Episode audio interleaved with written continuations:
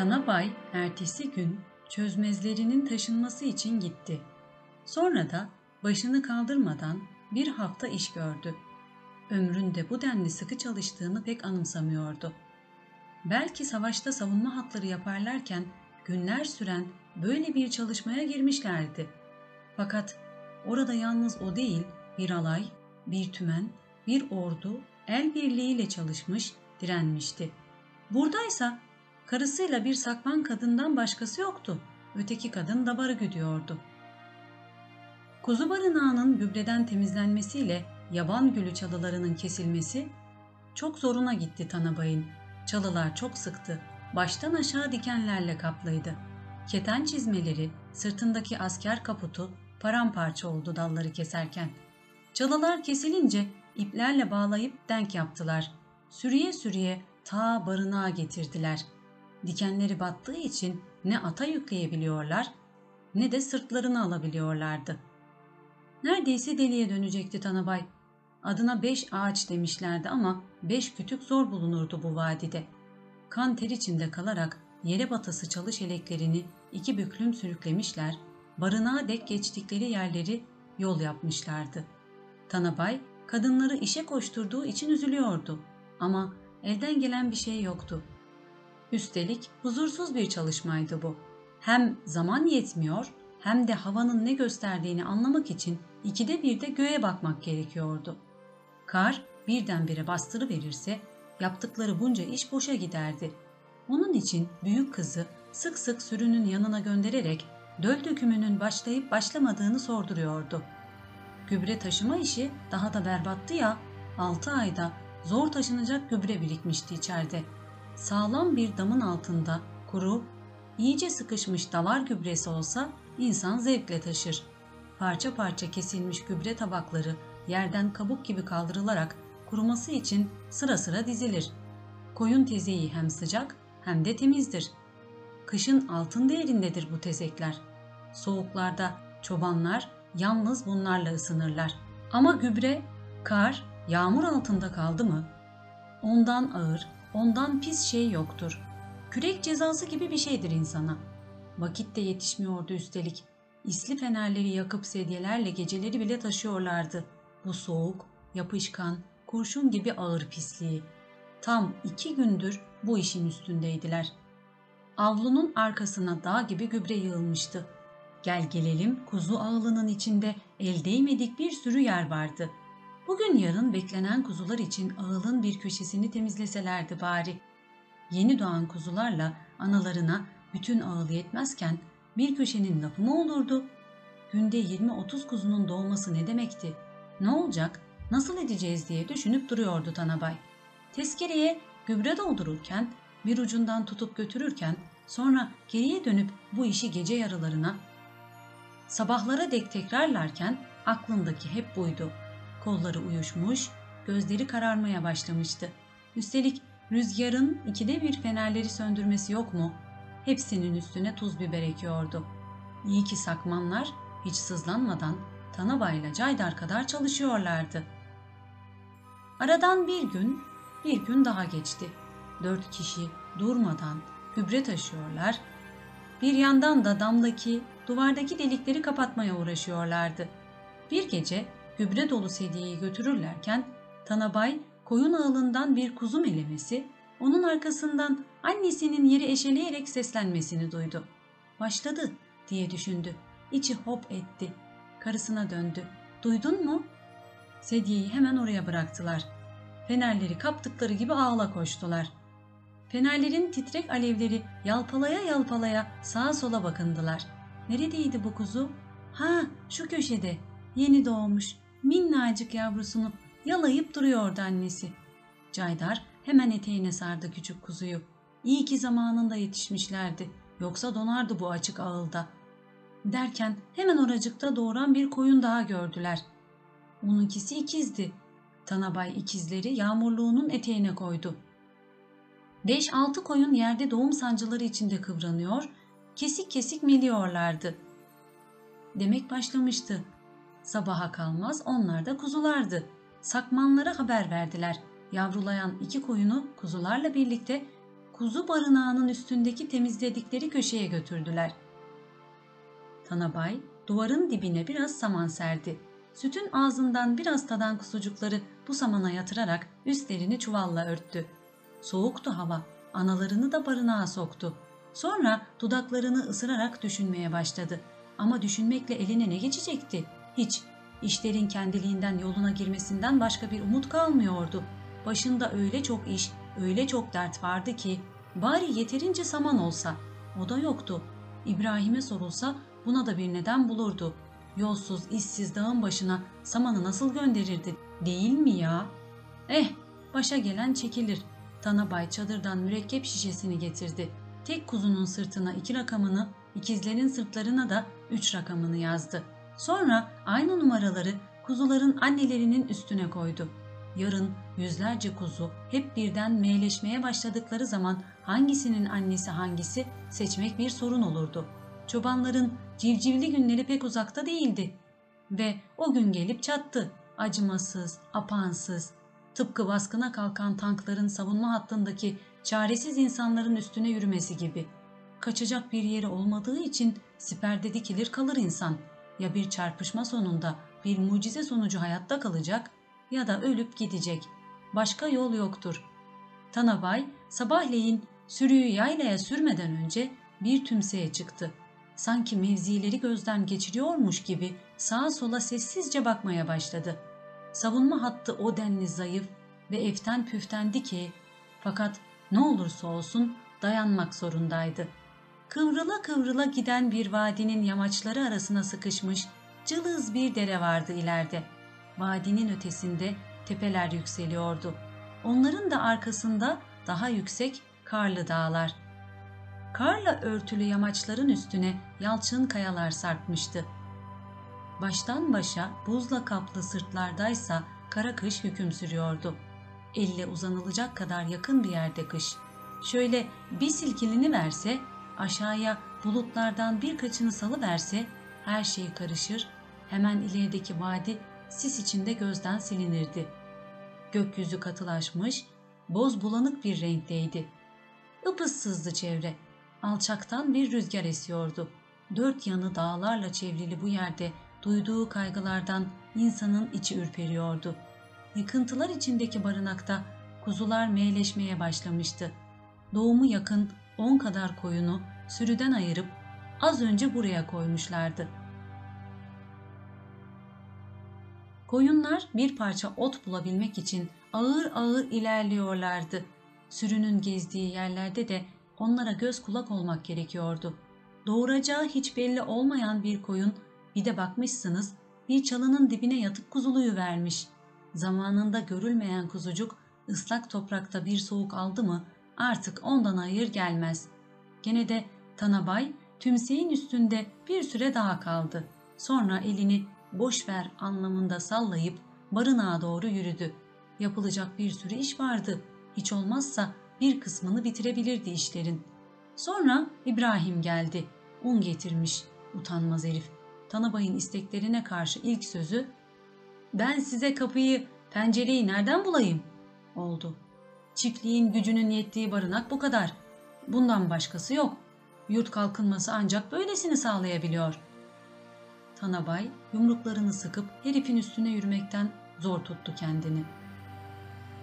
Ben ciddi ciddi konuşuyorum. Sen kalkmış benimle alay ediyorsun dedi. Sonunda her şey senden değil, benden sorulacak. Sanki ben hiç düşünmüyor muyum sanıyorsun? Yok ağam, sen yalnız kendi sürünü düşünürken ben bütün sürüleri, hepinizi, çiftliğimizin bütün hayvancılığını düşünüyorum. Sanma ki rahatım yerinde, keyfime bakıyorum. Tanabayı çok şaşırtan bir şey oldu bu sırada. Madrabas herif elleriyle yüzünü kapatıp hüngür hüngür ağlamaya başladı. Bir yandan ağlarken bir yandan da mahkemelere düşeceğim mahkemelere diyordu. Nereye gitsem vermiyorlar istediğimi. Bir süreliğine sakmanlık yapmaya bile kadın bulamıyorum. İsterseniz beni öldürün, parça parça edin. Bundan fazlasını bulamazsınız. Benden hiçbir şey beklemeyin. Bu işe girmemeliymişim. Çok kötü ettim başıma müdürlük görevini sarmakla. Saf adamdı Tanabay. Ağlayıp sızlayarak uzaklaşan hayvancılık müdürünün arkasından ağzı bir karış açık kaldı. İbrahim ondan sonra buralarda bir daha görünür mü? Yüz kadar koyun yavrulamıştı. Vadinin biraz yukarılarında duran Aşım'la Bektay'ın sürülerinde döl dökümü henüz başlamamıştı. Ama Tanabay bunun da yakın olduğunu hissediyordu. Sürüyü otlatan yaşlı kadınla 6 yaşındaki büyük kız sayılmazsa bütün işi topu topu 3 kişi yapıyorlardı. Kuzuların doğmasına yardım ediyorlar, doğanları alıp ıslaklıklarını gideriyorlar, annelerine alıştırıyorlar. Bir yandan barınaktan gübre taşırken bir yandan da çerçöp toplayıp kuzuların altına kuruluk seriyorlardı. Kuzuların açlık çığlıkları yükselmeye başlamıştı. Doğru dürüst karınları doymayan sıska koyunlar kuzuları emzirecek sütü nereden bulacaktı? İleride başlarına daha ne işler açılacağı belli değildi. Bir baş dönmesi içinde çobanların geceleri gündüzleri karışmıştı. Döl dökümü hızlandıkça hızlanıyor, bellerini doğrultmalarına, soluk almalarına fırsat vermiyordu. Ya dünkü hava neydi öyle? Az kalsın korkudan yüreklerine iniyordu. Hava birden soğumuş, gökyüzünü somurtkan bulutlar sararak sert kar taneleri döküştürmeye başlamıştı. Sisten, karanlıktan göz gözü görmüyordu. Fakat az sonra bulutlar dağılıp hava ılınmaya başladı. Bir bahar kokusu yayıldı ortalığa. Samana bulunan kuzu zonlarını dirgene takıp takıp atan Tanabay, inşallah bahar sağlam gelir diye düşündü. Yok, bir gelir bir giderse sonumuz berbat. Bahar gelmesine geldi ama hiç de Tanabay'ın düşündüğü gibi çıkmadı. Geceleyin karla karışık yağmur ve duman bastırdı ortalığı. Bütün soğuğunu, ıslaklığını toplayıp gelmişti bahar. Kuzuların barınağı, ağıl, çadır, her şey sular altında kaldı. Çamurlaşan, donmuş toprağın üstünden seller aktı. Gölekler peydahlandı. Kuzu barınağının çürümüş damından içeri sızan yağmur suları duvarları ıslattı. Oradan döşemeyi basarak içeridekileri soğuktan titretmeye başladı. Hepsi ayağa kalktı hayvanların. Ayakları suya batan kuzular küme olup meyleşirken ayakta doğuran koyunlar acı acı bağırıyorlardı. Bahar gelir gelmez buz gibi suyla yıkamıştı kuzucukları. Sürünün başındakiler ellerinde fenerler, sırtlarında yağmurluklar sağa sola koşuştular. Tanabay önce barınağa koştu. Ayağındaki koca çizmeler göleklere, vıcık vıcık gübrelere batıp batıp çıkıyordu. O koştukça vurulmuş bir kuşun kanatları gibi çırpınıyordu yağmurluğunun etekleri. Kısılan sesiyle sağa sola bağırmaya başladı. Küsküyü verin, küreği getirin. Gübreyi şuraya yığın da akan suyu durdursun. Barınağın içine dolan sel sularını dışarıya akıtmalıydılar hemen. Bunun için donmuş toprağı oyarak kanal açmaya başladılar. Önüme tut feneri. Sağına soluna bakınıp durma. Sisle birlikte çökmüştü gece. Yağmur karla karışık yağıyordu. Yağmuru durdurmanın yolu yoktu. Tanabay obaya koştu. Lambayı yakınca obanın her köşesinden aktığını gördü. Ama kuzu alındaki kadar değildi. Çocuklar ıslanan yorganın altında mışıl mışıl uyuyorlardı. Tanabay hemen çocukları yataklarıyla birlikte kucaklayıp bir köşeye çekti. Obanın içinde yer açtı. Çocukların yorganı daha fazla ıslanmasın diye üstlerine yerdeki keçeyi de çektikten sonra dışarı fırladı. Barınaktaki kadınlara kuzuları obaya taşıyın diye bağırdı. Obaya kaç kuzu sığdırabilirlerdi ki? Hadi olsun olsun da 30-40 tane. Ya ötekiler elinden geldiği kadar çoğunu kurtarmaya çalışıyordu. İşte sabah olmuştu ama göğün dibi delinmişti sanki. Biraz diner gibi oluyor, sonra yağmur, arkasından kar yağıyordu. Sonra gene yağmur, gene kar. Çadır kuzuyla ağzına dek dolmuştu. Bağrışmalar, meleşmeler, pisliği, kokusu da caba. Öteberilerini bir köşeye yığdıktan sonra üstüne çadır bezi örttüler. Sakman kadınlarla birlikte kendileri de bir köşeye sıkıştılar. Çocuklar üşüyerek ağlamaya başlamışlardı. Çobanların kara günleri gelip çatmıştı. Anasından emdiği süt, burnundan gelen çoban her şeye ana avrat düz gidiyordu. Ama gene de canını dişine takacak, tepeden tırnağa ıslanan koyunlar, soğuktan kazık kesilen kuzular arasında yemeden, içmeden çalışacaktı. Delik deşik barınakta ölüm çoktan kol gezmeye başlamıştı. Ölümün oraya girip çıkması o kadar kolaydı ki isterse çürümüş çatıdan girer, isterse camsız pencerelerden, isterse kapı boşluğundan.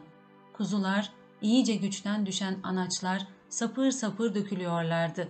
Morarmış hayvan ölülerini ikişer üçer alıp alıp barınağın arkasına atıyorlardı çobanlar. Karınları davul gibi şiş koyunlar açık ağılda, yağmurun karın altında dikilip duruyorlardı. Ha doğurdular, ha doğuracaklar. Yağmur vurdukça çeneleri birbirine çarpıyordu zavallıların. Islak günleri tutam tutam sarkıyordu. Hayvancağızlar otlamaya da gitmek istemiyorlardı. Bu havada otlayıp da ne yapsınlar? Başına bir çuval örten yaşlı sakman onları ağıldan dışarı çıkartıyor, onlar gene koşup içeri giriyorlardı. Sanki içerisi pek matah bir şeymiş gibi. Kadın ağlıyor, onları tekrar toplayıp dışarıya sürüyor. Koyunlar gene içeri koşuyorlardı. Tanabay deliye döndü olanları görünce. Sopadan geçirmeli şu akılsız hayvanları. Ama hepsi de gebe, bir şey yapamazsın ki. Başkalarını da çağırdı Tanabay. Hep birlikte sürüyü yaylaya çıkardılar. Felaket başlayalı beri Tanabay hem zamanın hem de gözlerinin önünde ölen kuzuların hesabını yitirmişti. Doğan kuzulardan çoğu ikizdi. Hatta üçüzler bile vardı. Bütün bu bolluk göz göre göre yok oluyordu. Bollukla birlikte emeklerde. Kuzucuklar doğuyorlar, doğar doğmaz da yağmur, yaş, ıslak gübre içinde ölüyorlardı. Hayatta kalanlarsa öksürüğe tutulmuşlar, sesleri kısılmıştı.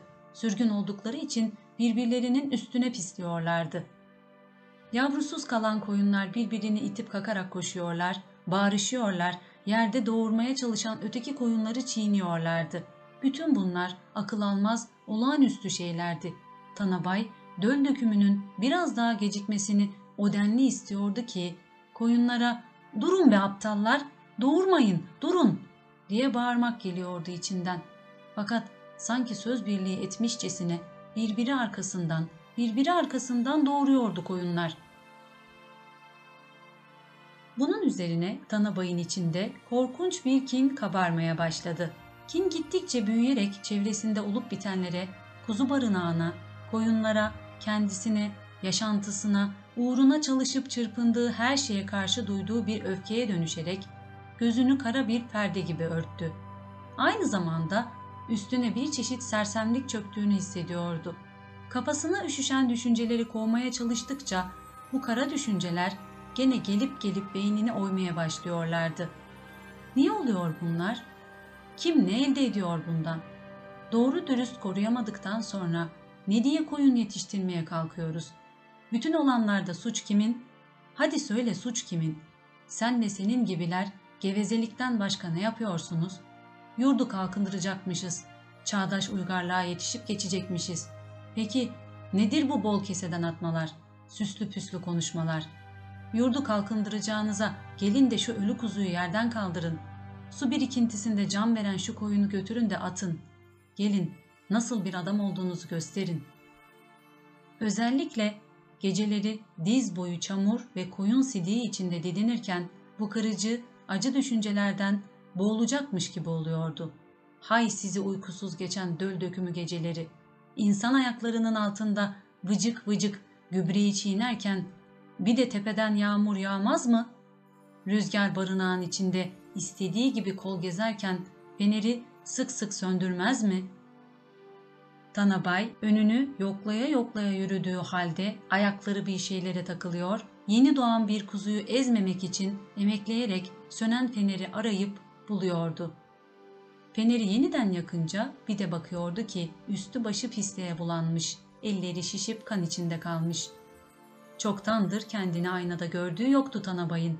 Onun için birkaç yaş kocadığını, saçlarının ağardığını bilmiyordu. Adama şimdiden ihtiyar demeye başlamışlardı. Fakat onun ne kendine aldırdığı vardı ne de ona dediklerine. Yemek yemeye, elini yüzünü yıkamaya bile vakti olmuyordu. Kendisi huzur içinde olmadığı gibi başkasına da rahat vermiyordu. İşlerin böyle bir felakete doğru sürüklendiğini görünce sakman kadınlardan gencini bir ata bindirdi. Çabuk git, Çoro'yu bul. Hemen gelmesini istiyorum. Ama gelmeyecek olursa söyle, bir daha gözüme görünmesin. Kadın akşama doğru döndü geldi. Atından düşer gibi indiğinde yüzü mosmordu. Yağmur iliklerine işlemişti. Tanabay, Çoro hasta yatıyor ama bir iki gün içinde gelecek. Ölsem de gitsem de geleceğim, dedi. Gebersin pis herif, dilerim kurtulamasın bu dertten.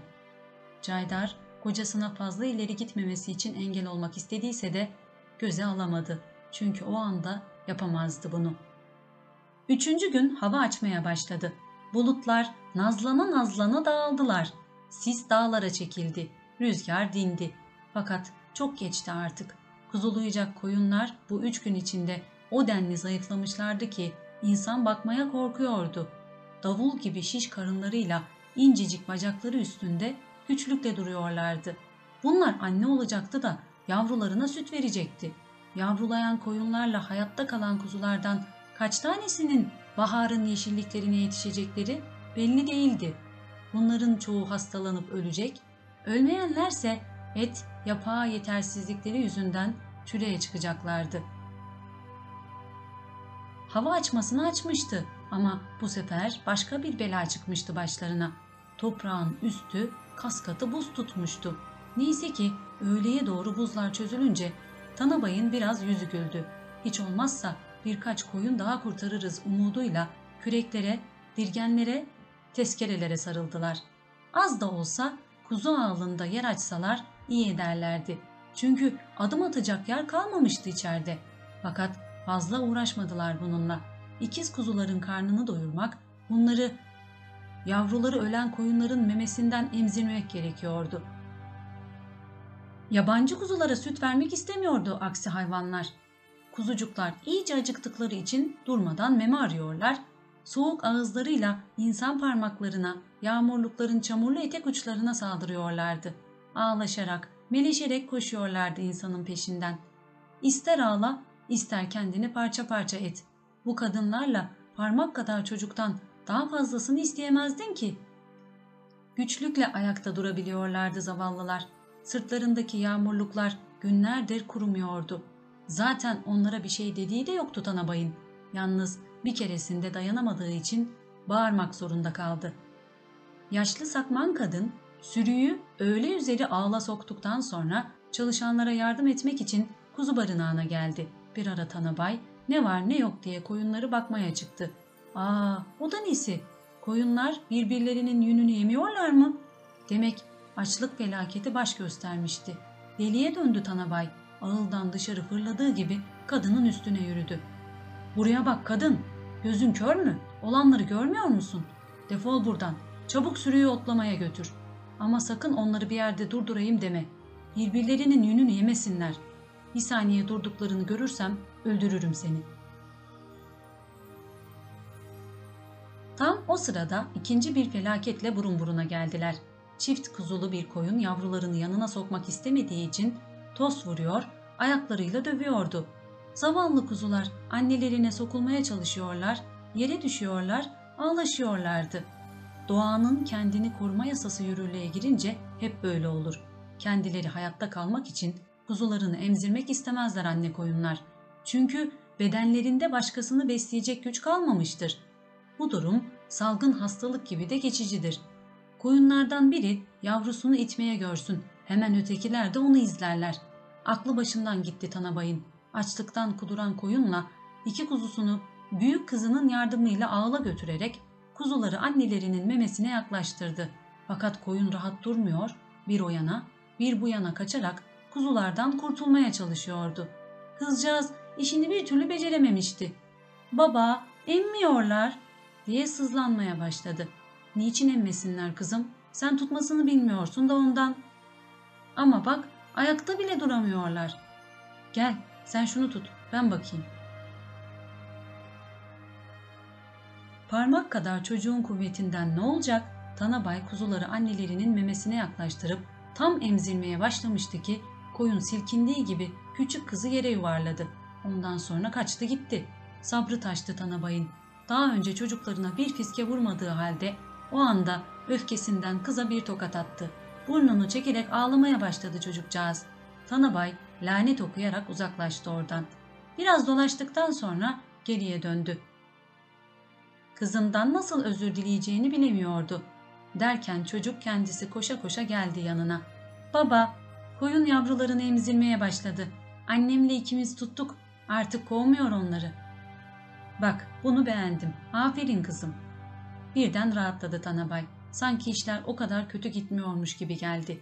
Böyle giderse belki de hayatta kalan koyunları kurtarabilirlerdi. Hele bir de havalar düzelirse bahar çobanın kara günlerinin sonu demektir. Ondan sonra yeniden işe sarılacaklardı. Çalış, çalış, çalış. Kurtuluş yalnız çalışmakta vardı. Bir de baktılar atıyla genç bir sayın memuru çıktı geldi. Bir oh çektiler. Çoktandır yolunu gözlüyorlardı. Delikanlı ne var ne yok onu sordu. Tanabay canının sıkıntısından gence iyi bir çatacaktı ama çocuğun bir suçu yoktu ki. Nerede kaldın kardeşim? Nerede kalacağım? Sürüleri dolaşıyordum. Tek başıma yetişemiyorum ki. Ee, ötekilerin durumu nasıl? İyi değil. Şu üç gün hayvanları tırpan gibi biçti. Çobanlar ne diyorlar? Ne desinler? Bol bol sövüyorlar. Kimisinin de ağzını bıçak açmıyor. Bektay beni ağıldan içeri sokmadı. O kadar canı sıkkın ki yanına kimseyi yaklaştırmıyor. Ya şöyle rahat bir soluk alsam çocuğun yardımına koşardım. Dur bakalım belki bir fırsatını bulursam giderim. Senin işler nasıl? Nasıl olsun sayım yapıyoruz işte. Ee söyle bakalım bize yardım var mı? Var var. Çoru yola çıkmış diyorlar. Saman, kuru ot, ahırda ne buldularsa yüklemişler arabalara. Çoro, atları gözüm gördüğü yok, ölesiye çalışsınlar, diyormuş. Ama araba kervanı bir yere saplanmış. Daha yola yeni mi çıkmışlar? Akılları bu zamana kadar neredeymiş? Bizim işimiz hep böyledir işte. Gel de şimdi araba kervanının hayrını gör. Dur, ben onlara gösteririm. Tanabay böyle bir öfkeli tehdit savurduktan sonra genç sayın memuruna döndü. Bana hiçbir şey sorma kardeşim. Kendin git. Bildiğin gibi say yaz. Artık bana her şey vız gelir. Bunları söyleyerek gencin yanından ayrıldı. Barınakta yeni doğan kuzuları toplamaya gitti. O gün 15 koyun yavrulamıştı. Tanabay kuzuları toplayıp bitirdiği sırada genç memur eline bir kağıt tutuşturdu. Hayvan ölüm tutanağı imzalayın. Bakmadan imzasını attı Tanabay. Kalemine kadar da sert bastırmış olacak ki ucu kırıldı. Hoşça kalın Tanabay amca. Söyleyeceğiniz bir şey varsa ileteyim. Ben şimdi ne söyleyeyim? Tanabay gene de bir an yolundan alıkoydu genç memuru. Bekta'ya uğrayıver. Yarın geleceğimi söyle. Öğleye doğru fırsat bulurum herhalde. Boşuna tasalanıyordu Tanabay. Bektay ondan erken davrandı. Ertesi gün kendi geldi. Ama bu öyle bir gelişti ki o gece gene rüzgar esmiş, arkasından kar serpiştirmeye başlamıştı. Yağan kar fazla değildi ama toprağın üstü bembeyaz oldu. Gece sabaha dek ayakta bekleyen koyunların sırtları da ağırdı toprakla birlikte. Hayvanlar yere yatmıyorlardı artık. Birbirlerine iyice sokuluyorlar, her şeye ilgisiz, kıpırdanmadan duruyorlardı. Bu ne uzun yemsizlikti böyle. Baharla kışın kapışması da bir türlü bitmiyordu. Barınağın içi buz gibiydi. Kar tanecikleri yağmurun iyice bozulup dağıttığı dam örtüsünün aralıklarından aşağıya düşüyor, fenerin fersiz ışığında süzüle süzüle inerek buz kesen koyunların, kuzuların sırtlarına dökülüyordu. Tanabay'ın koyunlarının arasında yaptığı tek iş vardı şimdi. Savaş alanında ölü toplayan birliğin eriymiş gibi ölmüş hayvan topluyordu durmadan. İçini yakan düşüncelere çoktan alışmış, baş kaldırma isteği sessiz bir kine dönüşmüştü. Fakat bu kin kurşun gibi oturmuştu içine. Ruhuna bütün ağırlığıyla çöküyordu. Tanabay vıcık vıcık gübreyi iri çizmeleriyle çiğneyerek işini görüyor, bir yandan da gecenin bu geç saatinde geçmiş yaşamını gözlerinin önüne getiriyordu.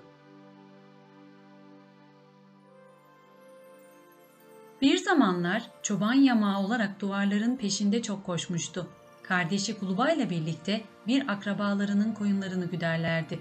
Aradan bir yıl geçince bir de baktılar ki boğaz tokluğuna çalışmamışlar mı? Sürü sahibi aldatmıştı onları. Haklarını almak için söylediklerini dinlemek bile istemedi. Ne yapsınlar zavallılar? Ayaklarında eski çarıklar, çıkınları boş, cepleri meteliksiz köye döndüler. Yalnız ayrılırken Tanabay, bir gün ben sana gösteririm, hele bir büyüyeyim diye gözdağı verdi adama. Kulubay sesini çıkarmadı. Kardeşinden beş yaş kadar büyük olduğu için kuru tehditten ellerine bir şey geçmeyeceğini biliyordu. İnsanın kendisi mal mülk sahibi olmalıydı ki bir şeye benzesin. Ama daha o zaman bir gün ben de mal mülk sahibi olursam ırgatlarıma kötü davranmayacağım derdi. O yıl ayrıldılar iki kardeş. Kulubay başka bir ağanın sürüsüne çoban durdu. Tanabay ise Tanabay ise Aleksandrovka'da yerleşmiş Yevremov adında bir Rus'un yanına ırgat girdi. Yevremov zengin bir çiftçi sayılmazdı. Bir çift mandası, iki atı, biraz da tarlası vardı. Tarlasından kaldırdığı buğdayı Evliya Ata kasabasındaki değirmende öğütürdü. Adam ırgatıyla birlikte sabah gün ışığından akşamın karanlığına dek çalışırdı. Tanabay'ın işi daha çok mandalarla atlara bakmaktı. Yevremov her ne kadar sert bir patronsa da işçisinin hakkını hiç yemezdi doğrusu. Ücretini kuruşu kuruşuna öderdi. Kendi soydaşları tarafından aldatıldıkları için çoğunlukla Rusların yanına ırgat girerlerdi. Tanabay Rusçayı öğrendi. Arabayla Evliya Ata kasabasına gidip geldikçe biraz dünyayı tanıdı. Derken devrim patladı. Her şey alt üst oldu. Artık Tanabay gibilerin günü doğmuştu. Tanabay köye döndü. Yeni bir yaşam başlamıştı. Bu yaşam insanı kaptığı gibi önüne katıp döndüre döndüre götürüyordu. Toprak da, özgürlük de, hak da onlarındı şimdi. Tanabay'ı toprak kuruluna üye seçtiler. Çoro'yla ilk yakınlaşmaları o yıllara rastlar. Çoro'nun okuması yazması vardı o zaman. Gençlere yazı yazmasını, heceleyerek okumasını öğretiyordu. Toprak kuruluna girdiğine göre Tanabay da bir şeyler yapmalıydı. Bu arada parti gençlik koluna yazıldı. Çoro'yla omuz omuza çalıştılar. Oradan partiye geçtiler. İşler kendiliğinden yürüyordu. Yoksullar üste çıkmışlardı şimdi. Kolektifleşme başladığı zaman Tanabay bu işe canla başla sarıldı. Köylünün yeni yaşamı için o çalışmayıp da kim çalışacaktı? Toprak, hayvan, emek, umut hepsi ortaklaşa paylaşılacak, işlerini el birliğiyle yürüteceklerdi. Öyleyse canı cehenneme mal mülk sahibinin. Fırtınalı, acımasız bir dönem başlamış oluyordu böylece. Tanabay'ın gündüzleri at sırtında, geceleri de toplantılarda geçiyordu. Adları bir bir yazıldı mal mülk sahiplerinin. Ağlar, zengin mollalar, öteki varlıklı kimseler tarladan ayrık sökülür gibi sökülüp atılıyordu toplumun içinden. Yeni filizlerin çıkması için önce tarlaların temizlenmesi gerekmez miydi? Onlar da bunu yapıyorlardı. Ama sürüleceklerin arasında Kulubay'ın adı da vardı. Tanabay at üstünde şuraya buraya koştururken toplantılar düzenler, danışma kurullarına katılırken ağabeyi işini yoluna koymuştu. Dul bir kadınla evlenmesi epey mal mülk sahibi etmişti onu. Kolektifleşme sırasında koyunları, bir ineği, iki atı, yanında bir tayı olan sağmal bir kısrağı, pulluğu, tarlası, tapanı, her şeyi vardı. Hasat zamanı ırgat tutuyordu artık. Ona zengin denilmezse bile yoksul da değildi. İyi yaşıyordu ama gece gündüz çalışıyordu. Toprak kurulu toplantısında sıra Kuluba'ya gelince Çoro ''Hadi arkadaşlar iyi düşünün'' dedi. ''Bu adamı ağa sürgününe gönderelim mi, göndermeyelim mi? Ancak Kulubay gibi bir adam kuracağımız çiftlik de işe yarayabilir. Kendisi yoksulluktan geldiği için bize karşı düşmanca bir tavır takınmadı.'' Her kafadan bir ses çıkıyordu. Kimi olsun, kimi olmasın dedi. Karar Tanabay'ın sözüne kalmıştı. Tanabay köşesinde baykuş gibi kımıldamadan oturuyordu o sırada. Kulubay üvey de olsa kardeşi sayılırdı. Kardeş kardeşe yardım etmezse kime derdi? Her biri işinde gücünde olduğu için sık sık görüşmeseler de araları iyiydi ağabeyiyle. Peki şimdi dokunmayın ona dese bunun sonu neye varacaktı? Her mal mülk sahibinin bir koruyucusu, akrabası yok muydu? Bana sormayın, kararı siz verin dese bu sefer de kaçamak yapmış olacaktı. Herkes son sözü ondan bekliyordu. Kurul üyelerinin onun böyle ağzının içine bakmaları Tanabay'ın öfkesini iyice kabarttı. Ayağa fırlayarak ''Çoro, sen hep böyle yaparsın.'' diye bağırdı. Gazetelerde bir takım aydın kişilerin davranışından söz edilir. İşte sen de bu aydınlardansın. Her zaman kuşku içinde yaşadın. Sonunda başına bir şey gelmesinden korktun. Kuşku duyacak ne var bunda? Madem adı çizelgeye geçmiş, öyleyse ağadır. Hiç acımayacaksın. Sovyet yönetiminin iyiliği için babamın gözünün yaşına bakmam. Kardeşim değil, kim olursa olsun vız gelir. Siz yapmazsanız onun sürülmesini ben istiyorum. Ertesi gün Kulubay onu görmeye geldi. Tanabay ağabeyini soğuk karşıladı. Elini bile sıkmadı. Beni ne diye sürgüne gönderiyorsunuz? Seninle birlikte ırgatlığa ben de gitmedim mi? Ağaların evinden kovulan ikimiz değil miydik? Şimdi bunun bir değeri yok. Çünkü sen kendin ağasın. Ne ağası? Her şeyi anlamın teriyle kazandım. Ama alın, hepsi sizin olsun. Acımıyorum emeklerime. Sürgün kararı verirken hiç Allah'tan korkmadın mı? Durum değişmez. Bizim için düşman sınıfındansın sen. Kooperatif kurmak için senin gibileri ortadan kaldırmalıyız. Yolumuza dikilen bir engelsin. Kurtulmamız gerekiyor senden. Bu onların son konuşmaları oldu. Şimdi aradan 20 yıl geçtiği halde bir kere olsun karşılaşmadılar. Kulubay Sibirya'ya sürüldükten sonra köy dedikodudan çalkalandı. Tanabay hakkında ileri geri konuşmalar oldu.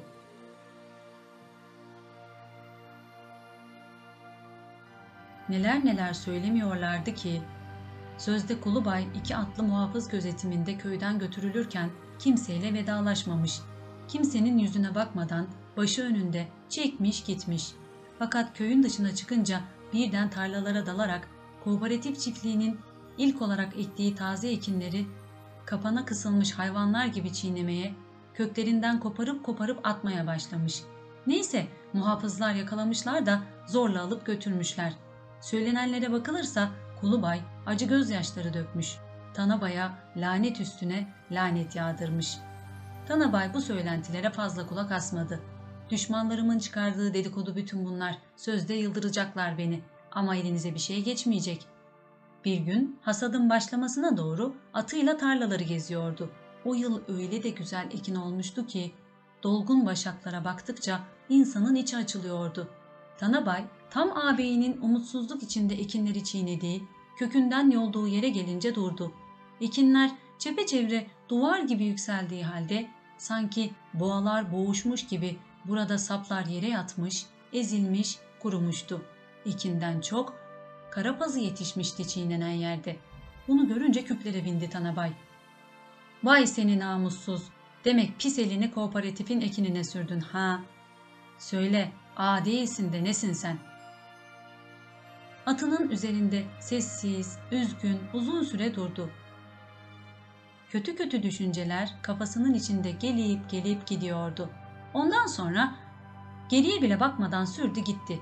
Ekinler biçilinceye, hayvanlar tarlalardaki anızları çiğneyip de toprakla bir hizaya getirinceye dek bu uğursuz yere bir daha gelmedi. Hep çevresinden dolandı. Tanabayı savunan yok gibiydi. Herkes onu kınıyordu. Tanrı kimseye böyle kardeş vermesin. Böyle kardeşin olacağına kimsesiz ol daha iyi. Bunu yüzüne karşı söyleyenler bile çıkıyordu. Açıkçası hemşehrileri yüz çevirmeye başlamışlardı ondan. Seçimlerde onun adaylığı söz konusu olunca çekimser kalmakla gösteriyorlardı onu sevmediklerini. Tanabay giderek partideki etkinliğini yitirdi.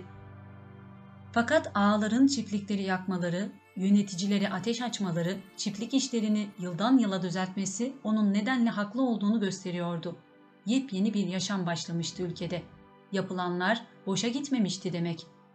Tanabay geçirdiği yılları en ince ayrıntılarına dek anımsıyordu. Sanki yaşamının en tatlı yılları o dönemde çiftliğin gelişip serpildiği o inanılmaz yıllarda kalmıştı. Kırmızı yazmalı emekçi kız, türküsü çiftliğe alınan bir buçuk tonluk iki kamyon ve geceleyin elinde kızıl bayrakla kamyonun üstünde duruşu tekrar geldi hatırına.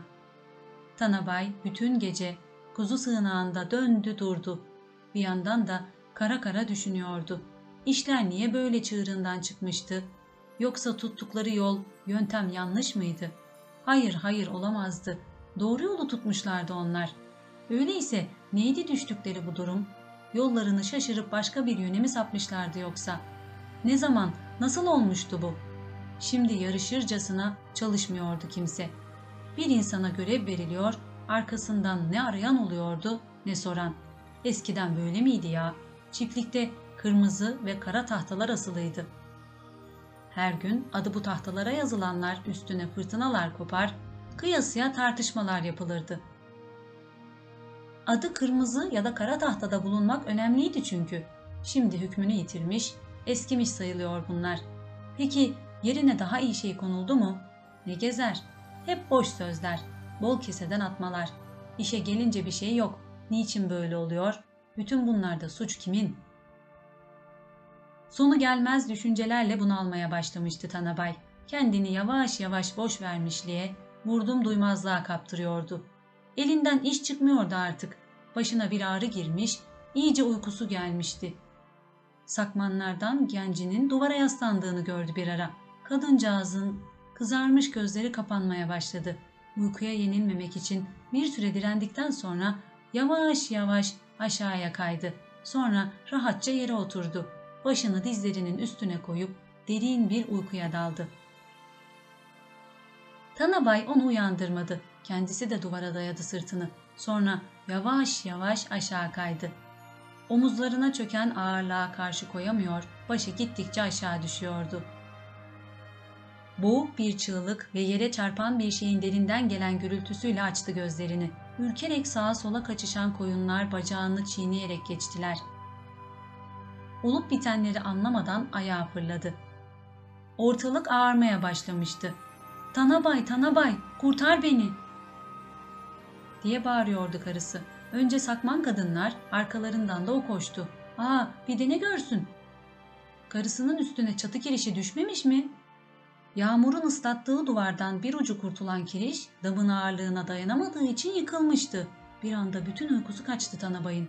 Caydar! diye haykırarak kirişi omuzladı. Bir dayanmada kaldırdı. Caydar inleyerek çıktı kirişin altından. Kadınlar ah vahlarla Caydar'ın şurasını burasını yoklamaya koyuldular. Tanabay şaşkına dönmüştü. Kadınları bir kenara iterek titreyen ellerini karısının iç kanilasının altına soktu. İzilen bir yeri var mı diye aramaya başladı. Neren ağrıyor? Bir şeyin var mı? Ah, aman belim. Belini mi incittin? Hey, gelin buraya. Tanabay böyle diyerek yağmurluğunu çıkardı. Caydar'ı bunun üstüne yatırdılar. Barınaktan dışarı götürdüler.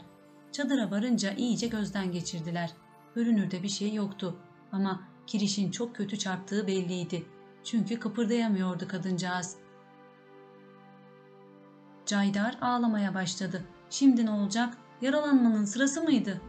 Siz ne yapacaksınız yalnız başınıza? Tanabay, hey tanrım diye geçirdi içinden. Sağ kaldığına sevineceği yerde neler düşünüyor. Hay yerin dibine girseydi bütün bu işler. Nereden de aldım başıma? Ah karıcığım, sana bir şey olsa ben ne yapardım? Karısının saçlarını okşamaya başladı. Sus Caydar, üzülme. Sen ayağa kalk da başka bir şey istemem. İşlerin bir çaresine bakarız elbet. Kendilerine yeni yeni gelmeye başlamışlardı. Şimdi birbirleriyle yarışırcasına Caydar'ın gönlünü alıyorlar, onu avundurmaya çalışıyorlardı.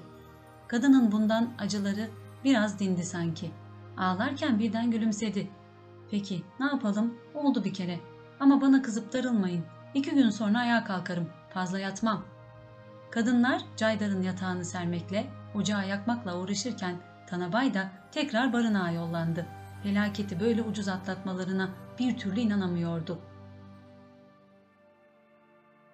Yeni yağmış yumuşak karın üstüne beyaz bir sabah aydınlığı vurmuştu. Barınağa varınca Tanabay kirişin altında ezilen bir koyun buldu. Biraz önce farkına varmadan yanından geçtikleri hayvanın memelerine minicik bir kuzu yapışmış, durmadan emmeye çalışıyordu. Tanabay'ın bu görüntüyle karşılaşınca tüyleri diken diken oldu. Bir yandan da karısının sağ kalışına daha çok sevindi. Öksüz kalan kuzuyu koyunun yanından alarak başka bir ana bulmaya gitti. Sonra kirişin altına bir destek koydu. Yıkılmaması için de duvarın arkasına bir payanda dayadı. Bu sırada hep karısını düşünüyordu. Bir şey olmasaydı bari kadıncağıza. Karısına bakmak için dışarı çıktığında karın üstünde yavaş yavaş onlara doğru ilerleyen bir davar sürüsü gördü. Sürünün başında yabancı bir çoban vardı. Neyin nesiydi bu hayvanlar? Niçin buraya geliyorlardı? Bu girişle sürüler birbirine karışacaktı. Tanabay başkasının bölgesine girdiğini söylemek için çobana doğru yürüdü. İyice yaklaşınca ne görsün? Bektay değil miydi sürünün başındaki? Hey Bektay sen misin? Berikinden hiç ses yok. Üstelik koyunları sürerken sopayla sırtlarına vurup duruyordu. Tanabay gebe hayvanları ne diye dövüyor bu adam? Diye şaşırdı. Merhaba, nereden gelip nereye gidersin? Bıraktığın yerden geliyorum. Nereye gittiğimi ise kendin görüyorsun. Bektay böyle diyerek ona doğru yürüdü. Belini bir iple sıkmıştı. Ellikleri göğsüne, yağmurluğunun altına sokuluydu. Ona iyice yaklaştı, sopayı arkasında tutarak iki adım ilerisinde durdu. Fakat selam bile vermemişti. Yalnız öfkeyle karın üstüne tükürdü. Tükürdüğünü ayaklarıyla hırslı hırslı çiğnedi. Sonra başını geriye attı. Genç, güzel yüzüne yapıştırılmış gibi duran simsiyah bir sakalı vardı. Kin dolu gözlerle sinsi sinsi meydan okurcasına baktı ona. Sonra yere bir kere daha tükürdü. Sopayı sert bir hareketle bir elinden ötekine aktararak sürüye doğru salladı. Al, ister say ister sayma. 385 koyun teslim sana. Neden o? Gidiyorum da ondan. Ne demek gidiyorum? Nereye? Nasıl gidersin? Gidiyorum işte. E bundan bana ne?